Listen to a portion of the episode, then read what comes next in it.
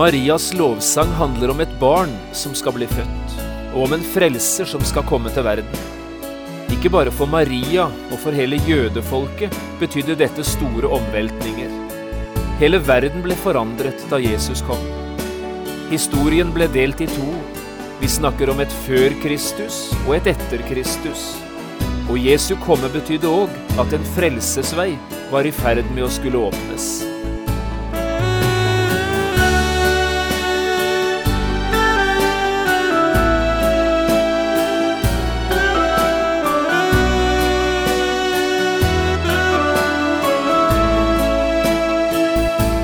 Hjertelig velkommen til et nytt program i serien Vindu mot livet. Programmet er produsert av Kristen Riksradio og blir ledet av Jon Hardang. Kristen Riksradio drives av frivillige gaver. Vi er glade for din støtte.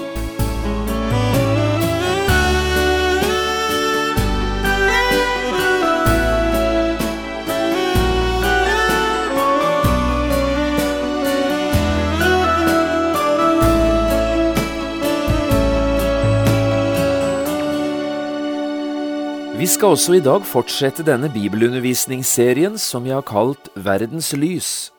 Dette er en serie på tolv programmer som tar utgangspunkt i de såkalte søndagstekstene. Du kan få kjøpt hele denne programserien ved å henvende deg til Kristen Riksradio. Vi skal i dag lese en av Bibelens aller fineste lovsanger. Den ble første gang sunget av en ung pike, sannsynligvis en tenåring. Det var Maria, Jesu mor, som sang denne sangen, ikke lenge etter at hun hadde fått vite at hun skulle bli mor til Guds sønn. La oss nå lese denne lovsangen, slik den står gjengitt i Lukasevangeliet i kapittel 1, og vi leser vers 46 til 55. Jeg har kalt dagens program Marias lovsang. Og Maria sa, Min sjel opphøyer Herren, og min ånd fryder seg i Gud, min frelser, fordi han har sett til sin tjenerinne i hennes ringhet. For se, fra nå av skal alle slekter prise meg salig, fordi han har gjort store ting imot meg, han, den mektige, og hellig er hans navn. Hans miskunn er fra slekt til slekt over dem som frykter ham. Han gjorde storverk med sin arm, han spredte dem som var overmodige i sitt hjertes tanker. Han støtte mektige ned av deres troner og opphøyet de små. Hungrende mettet han med gode gaver, men rikfolk sendte han tomhendte bort. Han tok seg av Israel, sin tjener, for å komme i hu sin miskunn, slik han hadde talt til våre fedre, mot Abraham og hans ett til evig tid.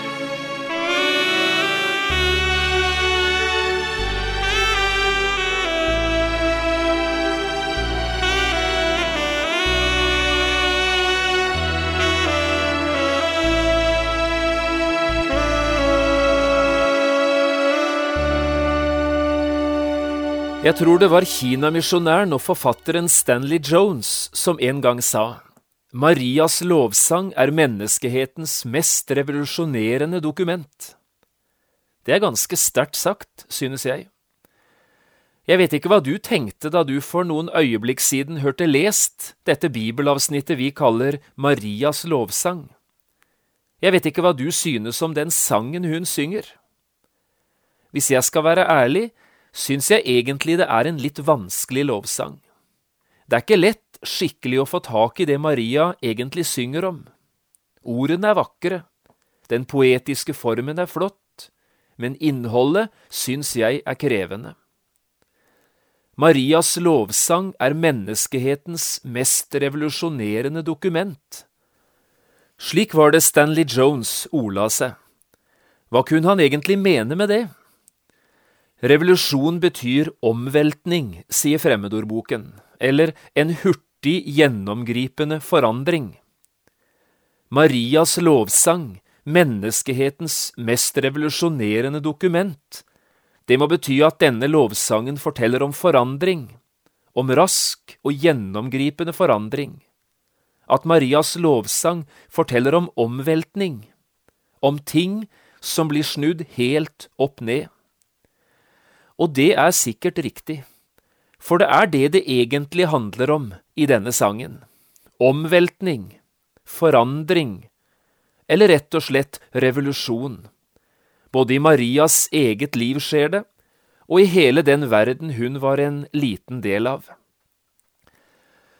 Jeg syns vi skal prøve å se litt nærmere på det Maria her synger om, i denne herlige, men kanskje også litt vanskelige lovsangen. La oss forsøke å få øye på de omveltningene Maria synger om, og hva det var som skapte forandringene. Det skal vel ikke mye fantasi til for å forestille seg hvilket sjokk det må ha vært for Maria da en engel kom på besøk til henne, utsendt fra Gud selv. Og sjokket ble ikke mindre da hun fikk høre det engelen hadde å si. Du skal bli mor til Guds sønn.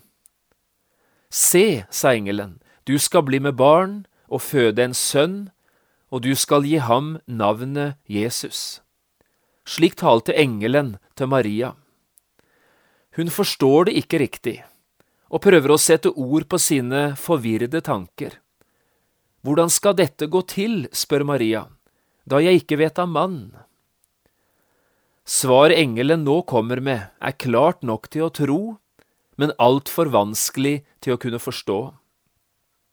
Den hellige ånd skal komme over deg, og den høyestes kraft skal overskygge deg. Derfor skal også det hellige som blir født, kalles Guds sønn. Ingenting er umulig for Gud, sa engelen. Og Maria, hun bøyer seg i lydighet og i tro. Se, jeg er Herrens tjenerinne, det skjer med meg etter ditt ord. Og så forlater engelen Maria. Tilbake sitter denne unge jenta med sjokket forvirringen og med spenningen, kanskje også med en sitrende forventning. Hun skulle bli mor til Guds sønn. Hun skulle bære den høyeste sønn under sitt eget hjerte. Hvordan kunne noen være i stand til å forstå slikt? At dette ble en omveltning i Marias liv, er ikke vanskelig å forstå. I denne lovsangen synger Maria naturlig nok også om seg selv. Min sjel opphøyer Herren, og min ånd fryder seg i Gud, min frelser, fordi han har sett til sin tjenerinne i hennes ringhet. Og Maria fortsetter, Se, fra nå av skal alle slekter prise meg salig, fordi han har gjort store ting mot meg, han, den mektige, Hellig er hans navn. Maria er så jublende glad at det lyser av henne. Men det er ikke om seg selv og sin egen storhet Maria synger. Nei, det er om Guds storhet og om Hans underfulle makt. Maria er rett og slett forundret, full av undring over at Gud virkelig ville ha med en som henne å gjøre, i hennes ringhet og hennes fattigdom. For hva var det som var så spesielt med henne? Ingenting. Og likevel gjør Gud dette valget. Den fattigste jomfru skal få det største av alle oppdrag, å bli mor til Guds sønn. Hun skal få bære Guds sønn inn i verden. Og Maria fryder seg. Hun forstår det ikke, men hun jubler. I senere tider har nok mange mennesker, ja hele kirkesamfunn, begynt å prise Maria, akkurat som om det er hun som skal ha æren for det som skjedde. Maria blir fremstilt som menneskenes talsmann hos Gud, som en som hjelper og støtter oss og går i forbønn hos Gud og taler vår sak. Maria beskrives som en som ikke hadde noe spor verken av menneskeslektens arvesynd eller som et menneske som aldri en gang gjorde en eneste bevisst synd. Og Maria blir framstilt som en som etter sitt jordeliv ble opptatt direkte til himmelen, fikk sin egen himmelfartsdag, med både legeme og sjel ble hun tatt opp til Gud. Bibelen taler aldri slik. Maria skal respekteres og æres for det hun gjorde, men hun skal ikke tilbes. Maria er verken syndfri eller guddommelig. Maria er en synder, som alle oss andre, men en som Gud fikk bruke til noe stort i sin frelsesplan med verden. Men kunne vi kanskje spørre, hva betyr det da, det Maria selv sier her i vers 48? Fra nå av skal alle slekter prise meg salig. Jeg tror ikke det er så komplisert, bare vi leser det på riktige måten. La oss ta fram et annet bibelord som forklarer meningen.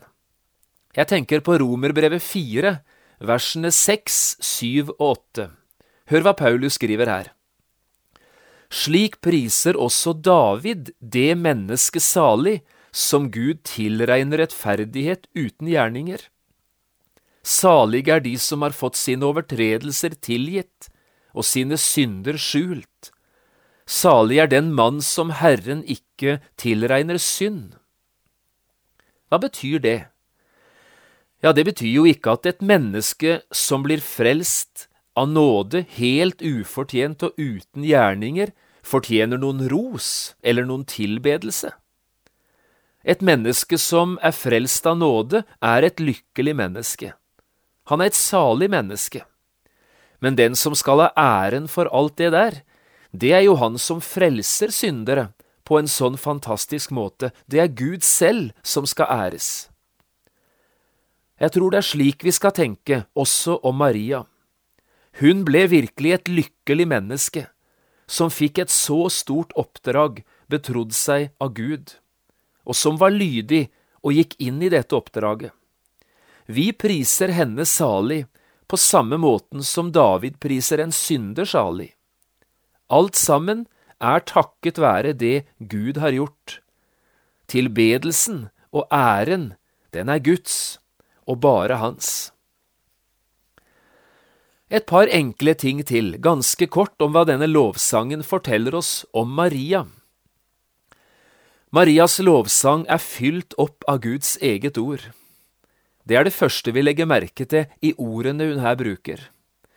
Dersom ordene hennes flyter fram fra hennes eget hjerte, og disse ordene er i stor grad hentet fra Det gamle testamentet, særlig fra Salmenes bok. I denne Marias lovsang hører vi ekkoet av Salme 103, Salme 126, Salme 22 og Salme 34. Og vi møter andre ord som minner oss om Andre Mosebok 20, om Jobbs bok i kapittel 5, og kanskje særlig om Første Samuel kapittel 2. Dette må bety at Maria hadde vært en ung kvinne som levde i Guds ord. Og de ordene hun selv hadde tatt inn, disse ordene som Gud hadde talt til henne, det er disse ordene hun nå bruker når hun skal bære sin lovsang tilbake til Gud. Jeg syns det er flott å legge merke til. Og så nevnte vi altså første Samuels bok og kapittel to. Her møter vi en tilsvarende lovsang i Det gamle testamentet, slik Marias lovsang lyder i det nye. Det er Hanna, mor til Samuel, som synger i første Samuels bok. Samuel skulle bli Israels siste dommer og Guds store profet. Hanna som her synger, hadde selv vært barnløs gjennom hele sitt ekteskap. Men så hadde Gud gitt henne et løfte. Om ett år, på denne tiden, da skal du ha en sønn. Og sønnen som ble født, var Samuel. Gud har bønnhørt meg, betyr det navnet. Bønnen Hanne hadde bedt om å få en sønn, innebar også et løfte som Hanne hadde gitt. Hun ville gi sitt barn tilbake til Gud, dersom Herren bare ville gi henne en sønn. Også denne Hannas lovsang klinger igjen i Marias lovsang. Marias lovsang er menneskehetens mest revolusjonerende dokument, hørte vi fra begynnelsen i dag. Også for jødefolket ble Jesu ankomst til denne verden nesten som en revolusjon.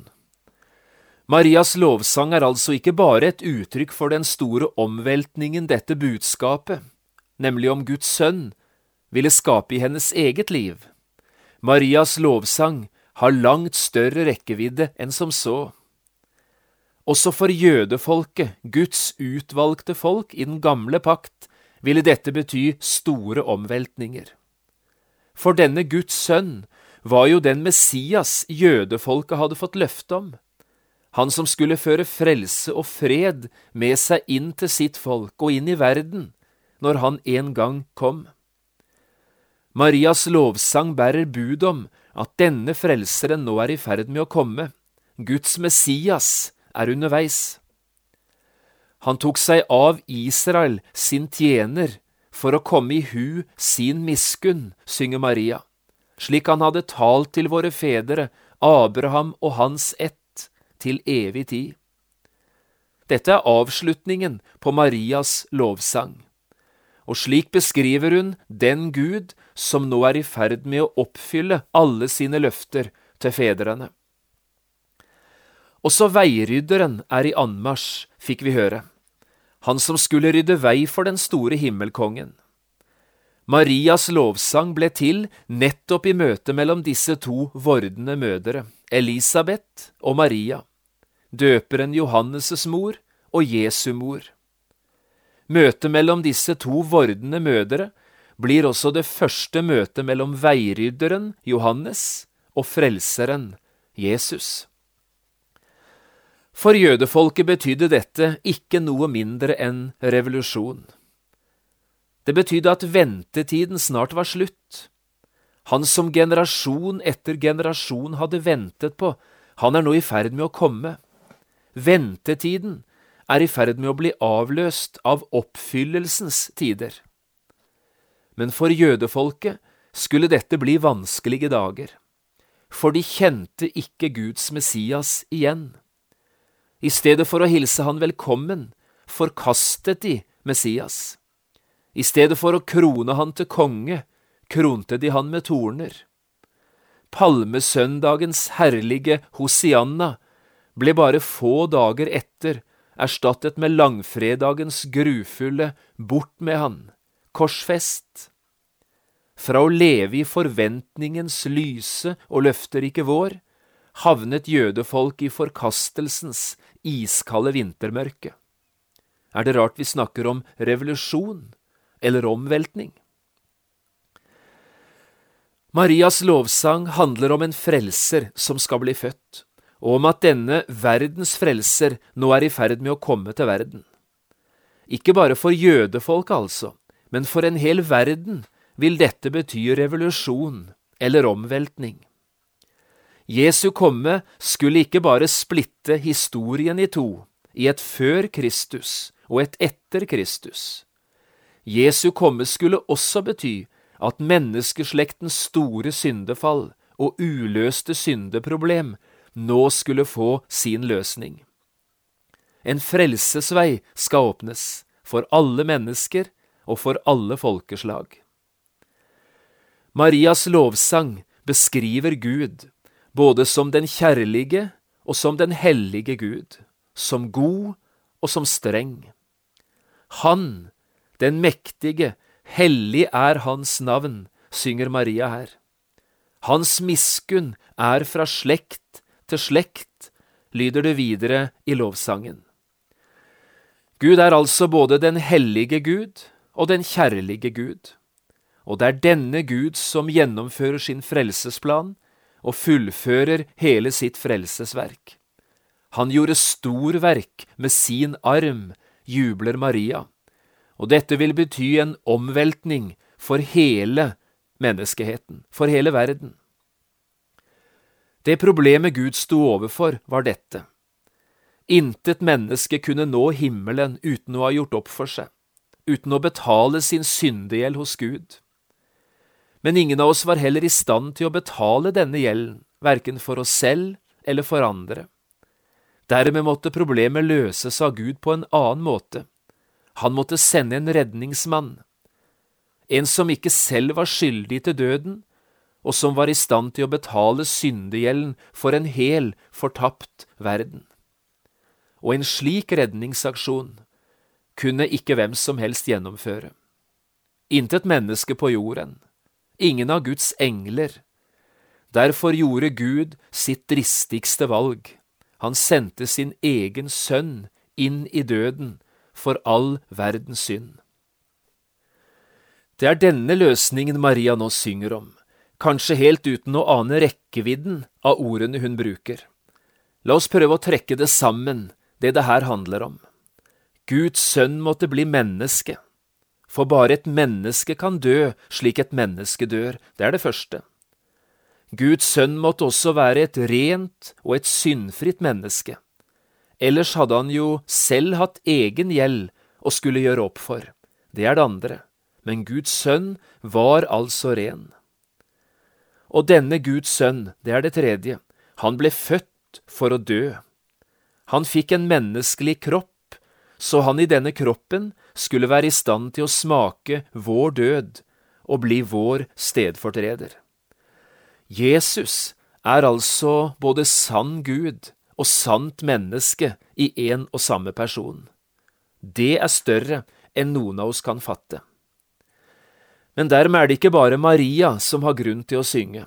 Også du og jeg har all grunn til å stemme i denne frelsens lovsang som Maria her drar i gang.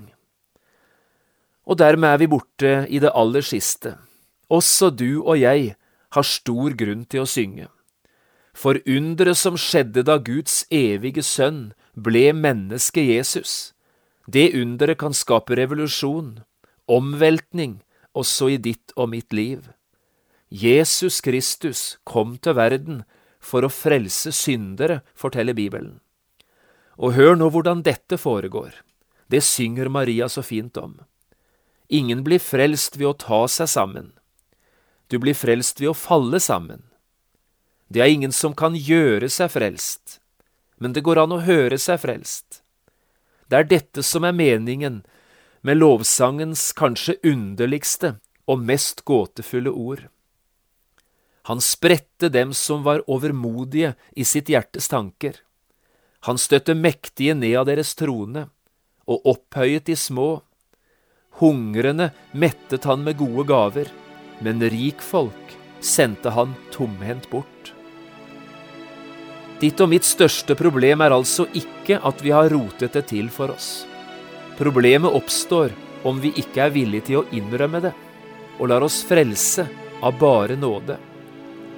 Men den som lar seg frelse av nåde, ufortjent, han fylles også av ekte glede og himmelsk lovsang.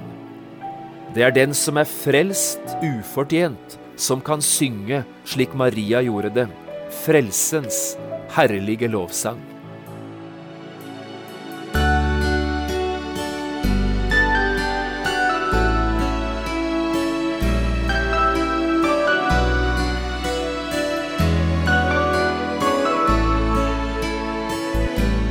Du har lytta til et program i serien Vindu mot livet med John Hardang. Programmene i denne serien kan også kjøpes på CD fra P7 Kristen Riksradio, eller høres på internett på p7.no. Har du spørsmål eller kommentarer til det du nå har hørt, kan du ta kontakt med oss på telefon. Da bruker du telefonnummer 56 32 1701. Du kan også sende oss en e-post. Adressen er vml krøllalfa p7.no. Takk for i dag, og på gjenhør.